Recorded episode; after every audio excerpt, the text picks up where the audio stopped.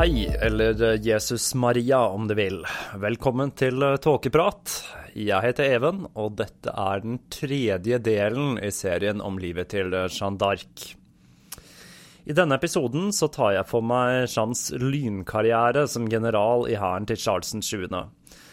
Og i deler av denne historien så er det vanskelig å ikke tenke på historisk satire som Blackadder eller Monty Python, for uh, som vi vil se, så er det ikke militær strategi eller planlegging som er Jeans sterke side. Men det er derimot hennes urokkelige tro på at hun er sendt av Gud, og det er dette som driver henne. Det er litt synd vi ikke kan se bilder eller film av slagerne på denne tiden. Det må ha vært en forholdsvis kaotisk affære. Vi snakker om tusenvis av mann som kjemper mann mot mann med sverd, lanse og slagvåpen. Jeg skulle gjerne ha fløyet en drone over en av disse slagmarkene for å se åssen det egentlig så ut. For å få en liten idé om hvor voldsomme disse slagene var, så kan man jo tenke på at den stående norske hæren i 2017 den er på 10 000 mann. Og til sammenligning så bidro Skottland med mer enn dette til den armaniakiske hæren. Og dette var da i perioden etter svartedauden hadde tatt livet av mer enn halve Europa. Så da tror jeg vi bare hopper rett i det, og vi fortsetter der vi forlot historien sist, med Jean som leder soldatene sine mot den beleirede byen Orléans.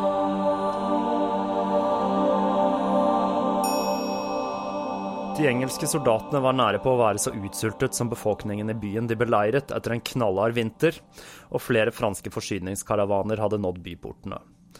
Okkupasjonsstyrkene var sterkt redusert etter at Philip av Burgund hadde trukket ut soldatene sine, og flere av de engelske soldatene hadde reist tilbake til England. Men denne dagen hadde de noe annet enn mat i tankene. På sørsiden av elva tropper et selsomt følge opp, noe som minner om en blanding av en hær og en religiøs prosesjon trer ut av skogen på den motsatte bredden. Prester med bannere med bilde av korsfestelsen som sang taktfast på salmen Veni creator spiritus, ledet en prosesjon av soldater, og midt iblant dem var jenta de hadde hørt om. Den blasfemiske hora som kalte seg jomfru, med kortklipt hår i en blankpolert rustning, red hun i midten av følget på en hvit hest, med en hvit silkebanner som blafret i vinden. De kjente alle til brevet hun hadde sendt. Hun måtte enten være gal eller kanskje ei heks, men det, dette var et sikkert tegn på at Charles virkelig var desperat. Engelskmennene begynte å rope spydigheter og gjorde narr av det merkelige følget. Forsyningskaravanene og en del av styrken ble sendt tilbake til Blois, og Jeanne og hæren krysset elven på sørsiden av Orléans. Her var de engelske troppene redusert til et minimum etter et nylig slag der de engelske soldatene hadde kjempet for å få gjennom en forsyningskaravane, og Jeannes hær ankom med Orléans uten motstand. Jubelrop kunne høres fra bymurene, mens til, tilstanden til innbyggerne, som nå hadde vært under beleiring i seks måneder, blir nærmest delirisk. Jeanne rir mellom kapteinene sine gjennom byen, mens folk forsøker å ta på henne for å bli velsignet av hennes guddommelige kraft. Og når Jeanne til slutt ankommer huset, som skal være hovedkvarteret hennes, setter hun i gang med en rasende tale til alle tilhørerne. Fylt med lidenskap roper hun til massene at hun har kommet for å bekjempe de engelske på Guds kommando, og at soldatene som fulgte henne, ikke hadde kommet til henne som soldater, men de fulgte Gud. De hadde tilstått sine synder, forsaket plyndring og prostituerte, slik som hun forlangte av alle de som dro i krig under hennes banner. Å frigjøre Orléans skulle være hennes tegn på at hun var sendt fra Gud, men nå som hun var her, så ble hun fortalt at hun måtte vente. Hun hadde blitt forhindret fra å dra rett til den engelske hæren for å starte sitt guddommelige arbeide. Og ikke bare det, karavanen og noen av soldatene var sendt tilbake til Blois med snakk om taktikk, strategi og beregninger. Slikt snakk. Hun trengte ikke å tenke slike termer, for hun hadde Gud på sin side, og med Gud på sin side, på hvilket grunnlag kunne man stille spørsmål ved hennes avgjørelser? Og på dette tidspunktet så begynte det nok å bli litt ubehagelig for kapteinene hennes. Én en ting var at prestene mente at dette var en god idé.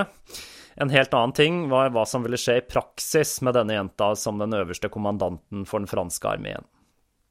Den neste dagen så leder Lahir et raid mot Bastillen Saint-Puré nord for byen. Uh, men dette er ikke noe Jeanne ble spesielt glad for. Hun vil ha krig, og budbringeren som hadde overlevert brevet fra John, var blitt tatt til fange av engelskmennene, og hun dikterer nå et nytt brev hvor hun krever at han skal bli løslatt, og kommer med et krav om at okkupasjonsstyrkene må reise eller bli utslettet av jomfruen. Hun får da et sarkastisk brev tilbake, hvor hun får beskjed om å dra hjem igjen for å gjete kyr, og beskjed om at hun vil bli brent dersom England får tak i henne. Jeanne blir så rasende når hun får dette svaret, at hun klatrer opp på bymuren som vender seg mot de engelske soldatene, og skriker at de må overgi seg til Gud. Dette fører da til enda mer hånlatter og fornærmelser. Bastarden av Orléon er fortvilet. Han ser ingen annen mulighet enn å snike seg ut av byen og ri til Blois for å hente resten av hæren, for det er ikke mulig å stoppe Jeanne. Hun er ellevill. Og i de påfølgende dagene så er hun helt på styr. Uh, hun rir rundt i og utenfor byen for å bli bedre kjent med området og for å piske opp uh, stemningen. Uh, Orléans de organiserer en prosesjon for å offisielt be Jeanne om hjelp. Men hun får ikke iverksatt planen sin før bastarden er tilbake. Planen hennes den er da bare rett og slett å kjøre på og utslette engelskmennene. Jeg innbiller meg at hun var ganske slitsom i denne perioden her.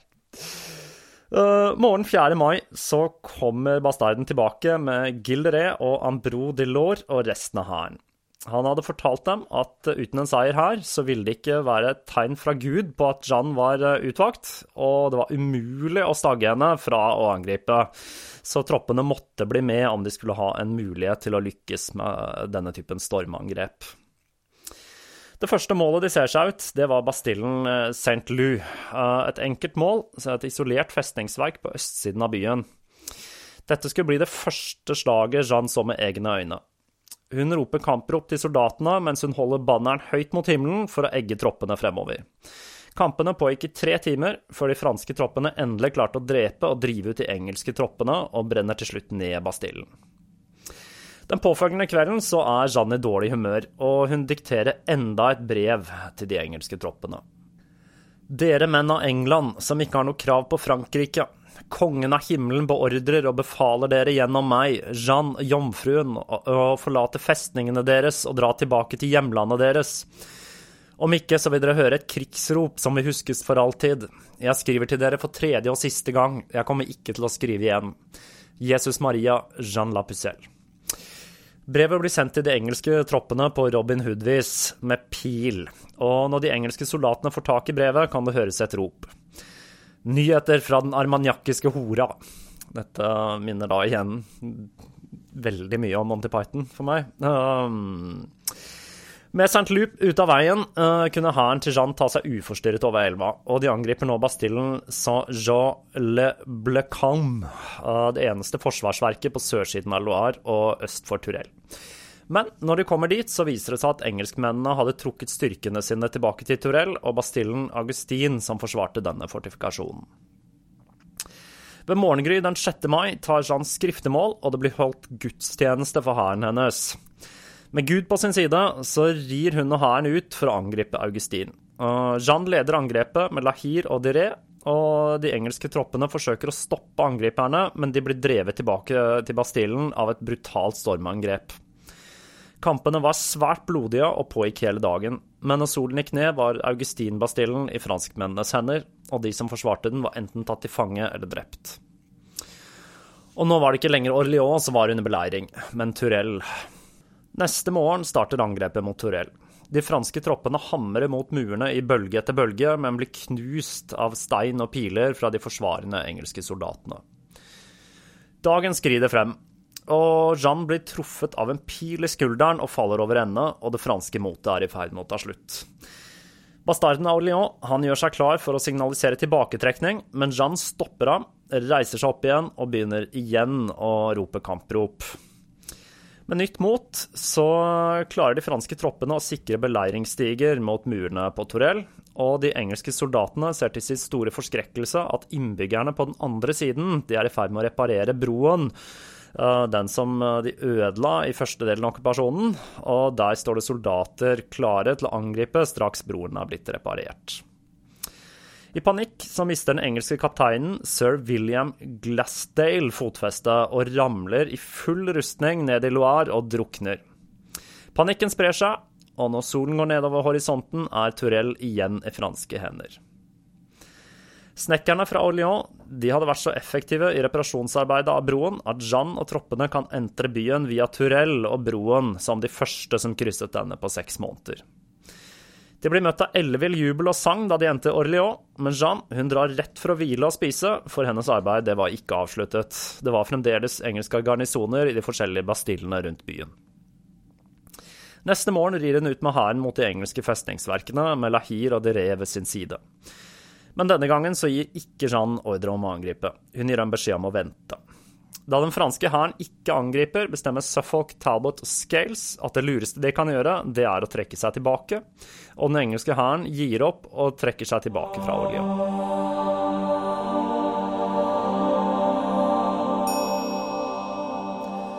Jeanne, den 17 år gamle bondejenta, hadde befridd Orléans på kun fire dager. Hun hadde nå befestet seg som et ekte sendebud fra Gud. Kirken i byen var fullstappet, og ryktene om Jeans bragd sprer seg så langt som til Roma, hvor biskopen av Jaur, Jean Duffney, i sitt livsverk 'Historien om verden' Det høres jo ut som en middelaldersk utgave av universet i et nøtteskall. Uh, han fører da til et kapittel om jomfruen Jeanne, som utfører bragder som virker mer guddommelige enn menneskelige. Gerson, det var forfatteren av om undersøkelser av ånder, altså, fremhever Jeanne som sitt ypperste eksempel, og sammenligner henne med flere helgener, blant annet uh, Sankt Katrin. Han forklarer til og med at man kan akseptere fravikelsen av forbudet mot damer i manneklær fra Gamle testamentet, da Det nye testamentet overkjører det gamle. Og han proklamerer at dette er gjerninger utført av Gud, osv., osv. Det skrives mye om Jeanne i denne perioden.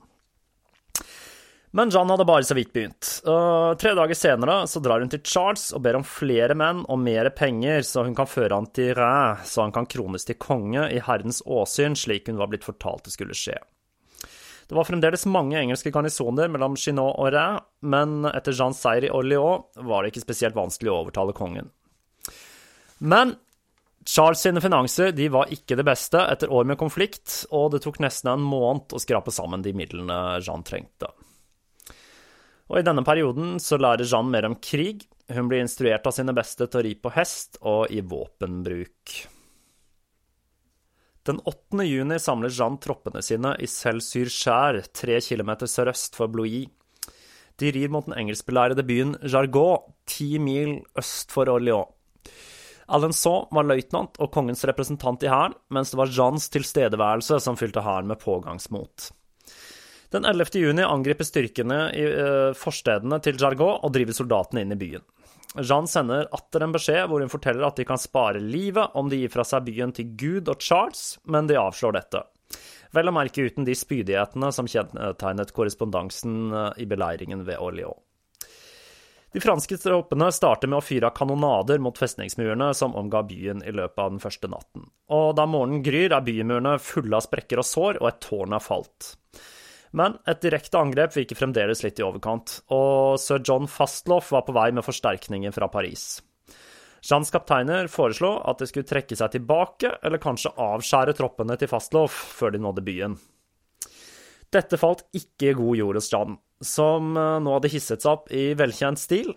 Hun eh, bærer da banneren sin over mot bymuren, hvor hun blir truffet i hodet av en stein. Og igjen så reiser hun seg opp og skriker til troppene at de ikke kan tape fordi Gud er på deres side. Dette fører til at de franske troppene stormer fram i et angrep hvor de tar byen på kun fire timer. De tar da jarlen av Suffolk til fange, som tar seg tid til å slå soldaten som fanger han til ridder før han, ble, før han ble fanget, så at han kunne si at han var fanget av en adelig, altså. Og Jagerot faller for Jeans eh, hær.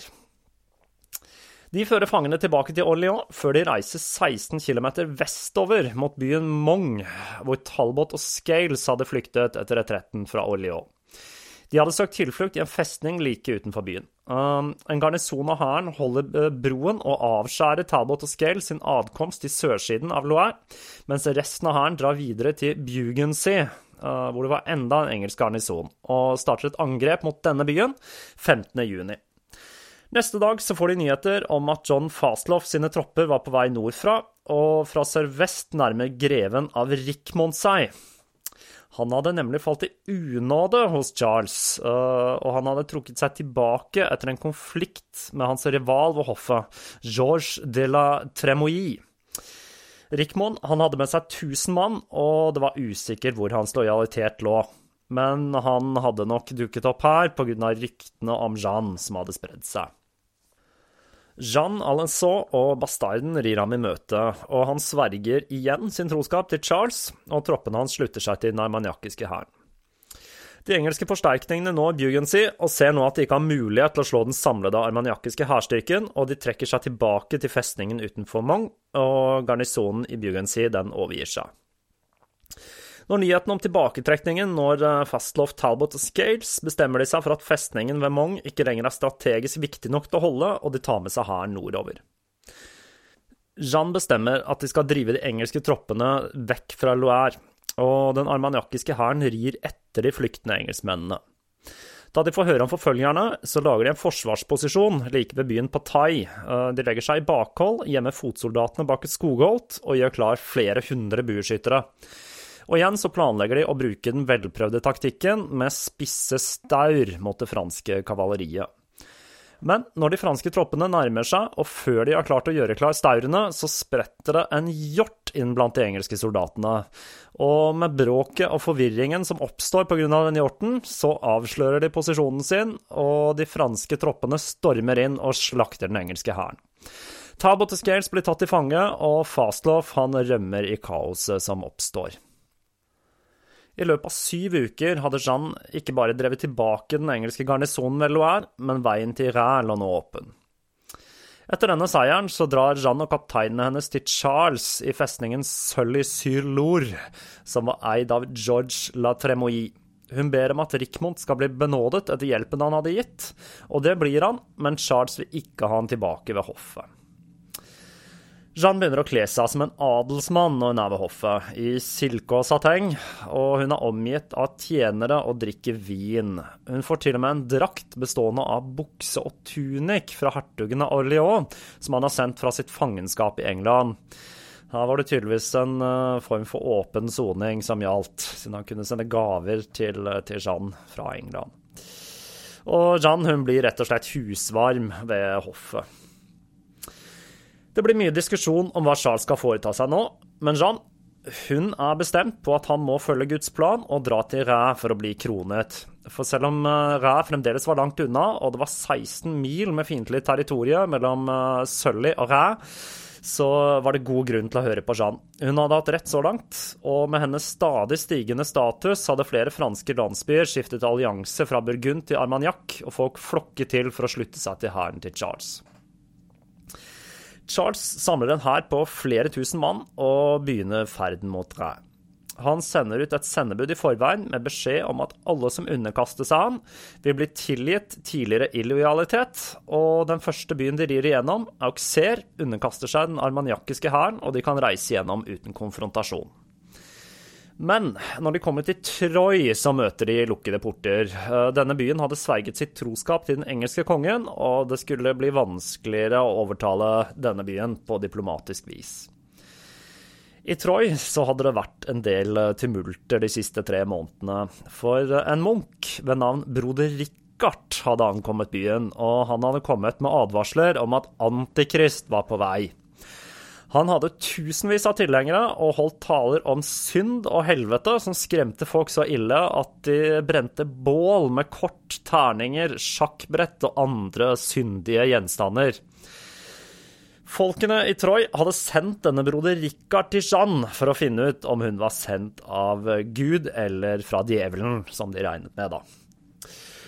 Og de hadde nok regnet med at uh, han skulle konkludere med at hun var uh, enten kjett Petter eller ei heks, men den gang ei. For uh, broder Richard han ble så imponert av Jeanne at han kommer tilbake med et brev hun hadde diktert dagen før den armaniakiske hæren når byportene. Og uten å gjengi hele dette brevet, som da selvsagt startet med det vanlige Jesus Maria, så skriver Jeanne at eh, hun vil benåde alle som eh, underkaster seg Gud og Charles, og utslette alle som motsatte seg Guds vilje. Myndighetene i Troy de var ikke så imponerte, og de erklærte at broder Richard var en trollmann og Jeanne ei gal jente inspirert av djevelen.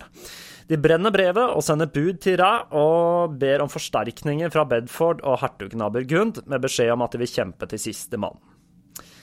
Den armaniakiske hæren starter beleiringen, og dagene går. Og det begynner etter hvert å bli vanskelig å forsyne okkupasjonsstyrkene, og kongens rådgiver han lufter ideen om å trekke troppene tilbake til Loire. Men Robert Lemasson han foreslår at de først skal høre med Jeanne og se hvordan hun vurderer situasjonen, før de vurderer en eventuell tilbaketrekning. Og igjen så skjønner ikke Jeanne helt hva de forteller henne. Fordi uh, alt dette det er jo irrelevant. Charles han skulle ri gjennom portene til Troy i løpet av et par dager, og dette var forutbestemt. Og etter litt diskusjon uh, så går Det kongelige rådet med på å følge Jeans instrukser. Uh, det var jo tross alt av henne de var på vei til Rhin i utgangspunktet. Jeanne rir ut i full rustning og dirigerer soldatene som begynner å fylle igjen vollgraven med trevirke og klargjør kanoner og annet belæringsutstyr. Dette pågår i fire dager, mens usikkerheten til forsvarerne den stiger for hver dag som går. Og til slutt så blir det litt for mye spenning for den belærede byen. De overgir seg uten kamp den 10. juli. Charles rir inn med Jeanne ved sin side og banner i hånd. Og myndighetene i Troy de skriver nå enda et brev til Ræ, og denne gangen ber de innbyggerne i Ræ overgi seg på samme måte, uten kamp altså, til Frankrikes rette hersker, kong Charles 7. Og slik går det. Først underkaster Charlot seg til Charles, og de kommer til Cessaux, uh, kun to mil fra Rennes. Uh, da kommer det et sendebud med beskjed om at Rennes underkaster seg til Frankrikes rette regent. Den 16. juli ankommer hæren Rennes, og allerede neste dag blir Charles kronet med den hellige oljen fra Clovis, dog uten kronen og Joyousset, som fremdeles var i Saint-Denis, men like fullt. Erkebiskopen kroner han til konge ved å velsigne hodet, brystet, skuldrene og armene hans med den hellige oljen, til elleville rop og fanfare, og med Jeanne ved sin side med sin egen banner i hånd. Etter kroningen faller Jeanne på kne og sier, Edle konge, Guds vilje er gjort, og hun begynner å gråte av glede. Man kan spekulere i hva Jeanne tenkte da hun så profetien sin gå i oppfyllelse denne dagen. Alt hun hadde kjempet for, og alt hun hadde forutsett, skjedde akkurat slik stemmene hadde fortalt henne.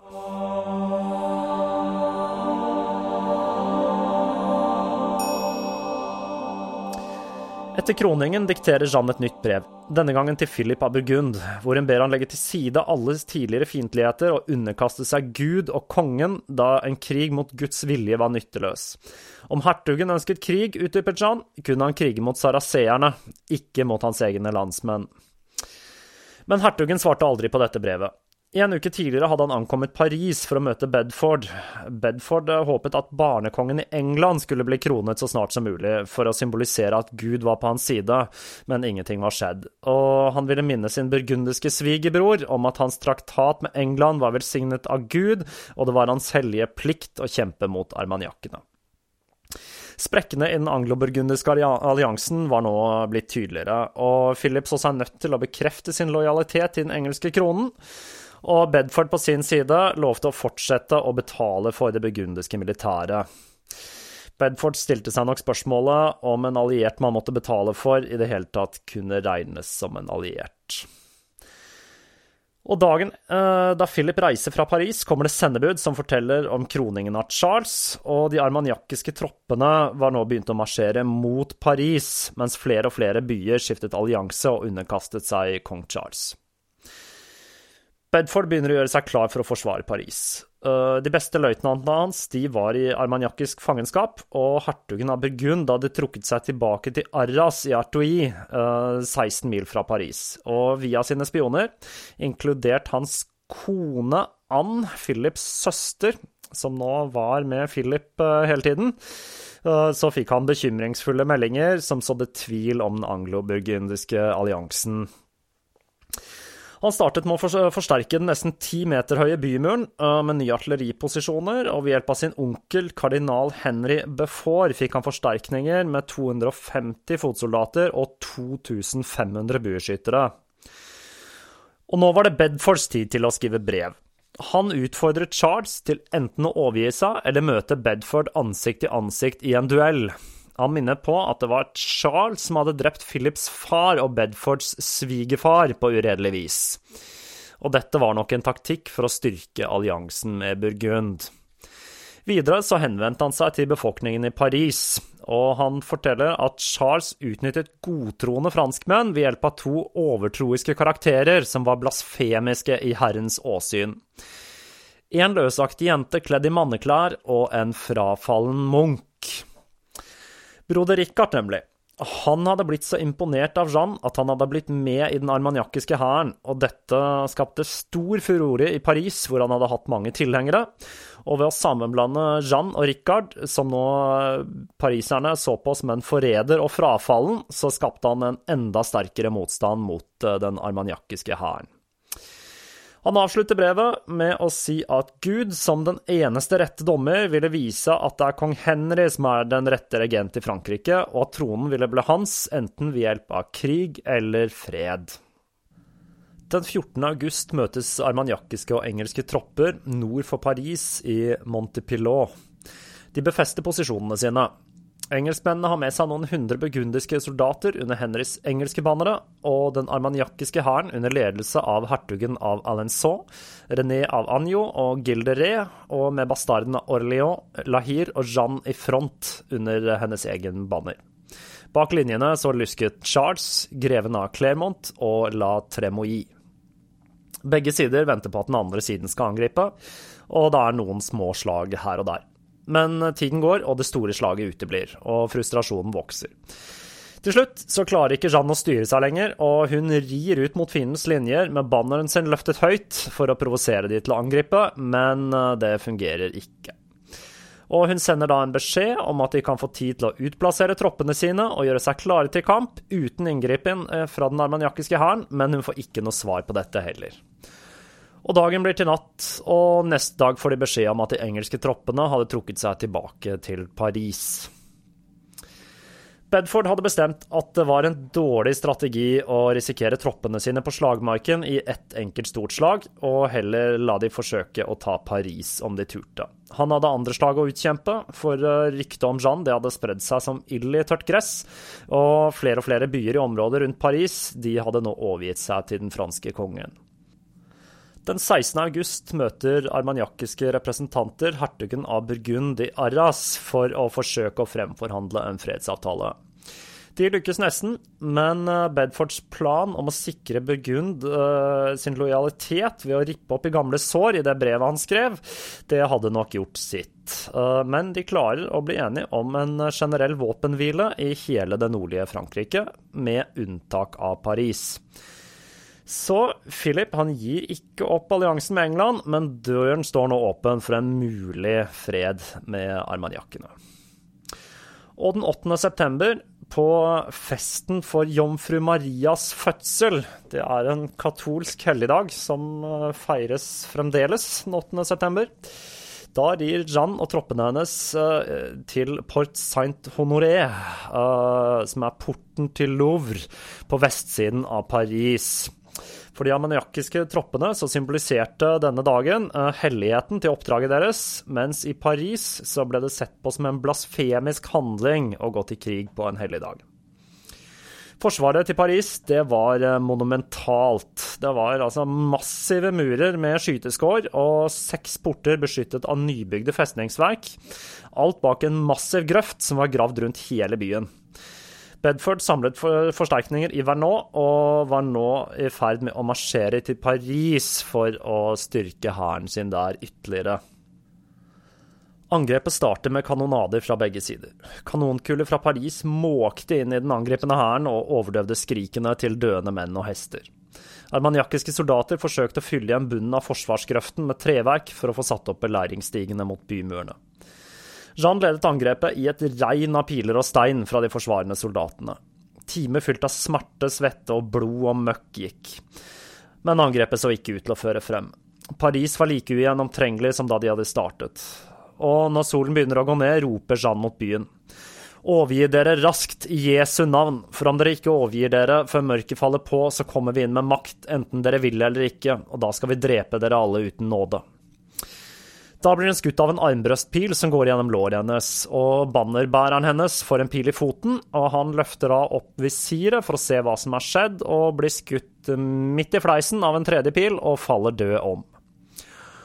Og mørket begynner å omfavne Jan. Hun er svak av blodtap, men fortsetter eh, kampropene med stadig svakere stemme. Dette var Guds vilje, og de kunne ikke gi opp. Men til sin overraskelse over lyden av kanoner så hører hun at ordren om tilbaketrekning blir ropt, og ute av stand til å gå for egen maskin, så blir hun dratt ut av grøften mens hun protesterer og insisterer på at angrepet må fortsette. Hun våkner i den armaniakiske leiren La Chapelle den 9. september, og hun vil fortsette angrepet med en gang. Hun tilkaller hertugen av Alençon og ber han gjøre troppene klare. Men han forteller til Jeans forskrekkelse at Charles har beordret en full tilbaketrekning. Nedbrutt så reiser hun til Charles i Saint-Denis. Hun føler seg forrådt, og hun føler at nederlaget i Paris det skyldtes Charles sin manglende tro på hennes guddommelige oppgave. Teologene i Paris på den andre siden de har en annen forklaring på Jeans tap.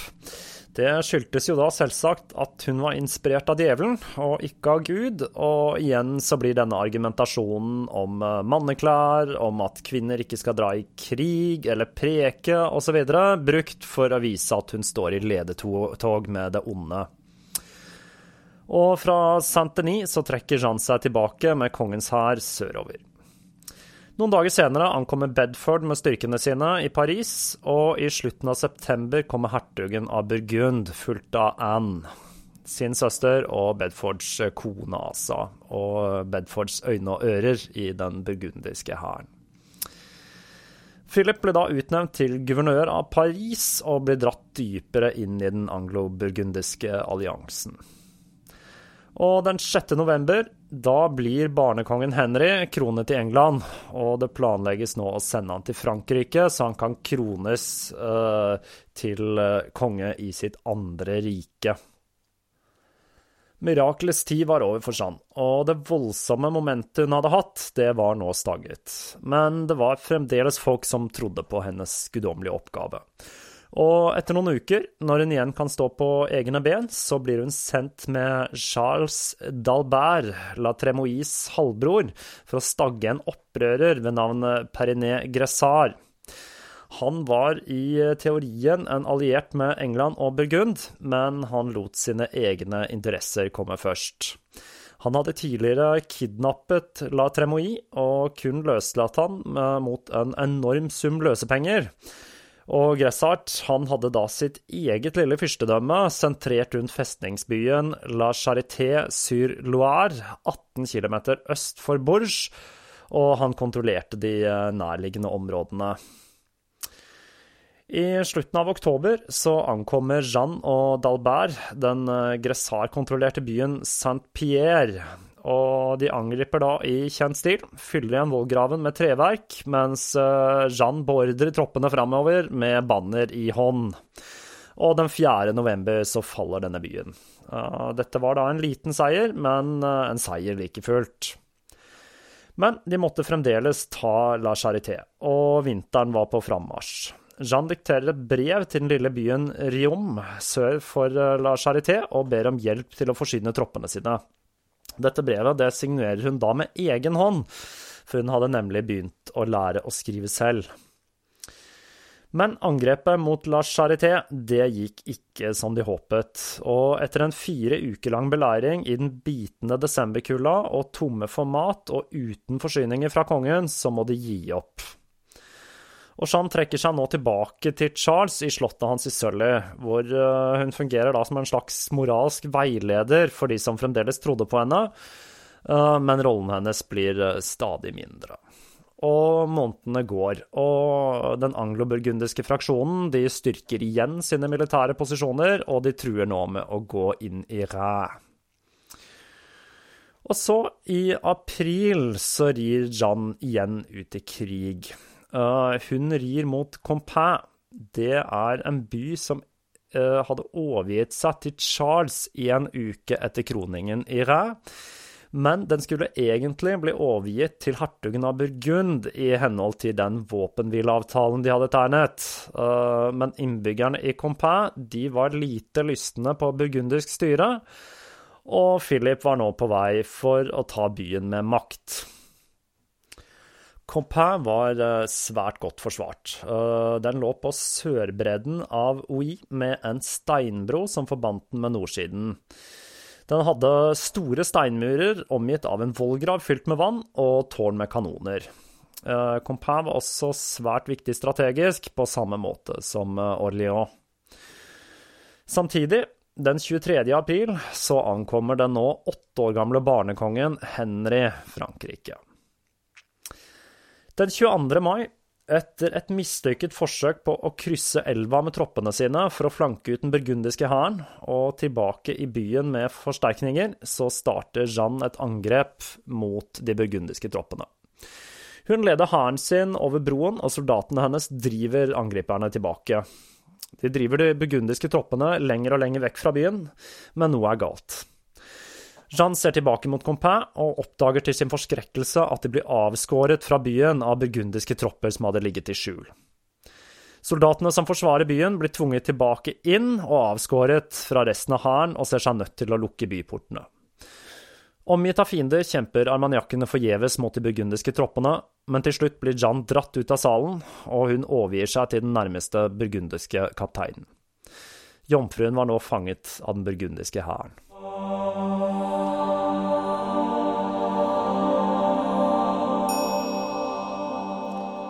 Og der forlater vi Jeanne for denne gang. Eh, etter en enormt imponerende og veldig kort militær karriere er nå den 18 år gamle jenta fra Domremy i burgundisk fangenskap. Og som vi ser, så var det i stor grad Jeannes evne til å overbevise en krigstrøtt hær om at hun var sendt fra Gud, som drev henne fra seier til seier, til hun til slutt blir knekt i Paris. I den neste, og det som da blir den siste episoden av denne serien, så skal jeg ta for meg rettsprosessen, henrettelsen, frifinnelsen og ringvirkningene av Jeans turbulente liv. Og fram til neste episode så gjenstår det bare å si på gjenhør.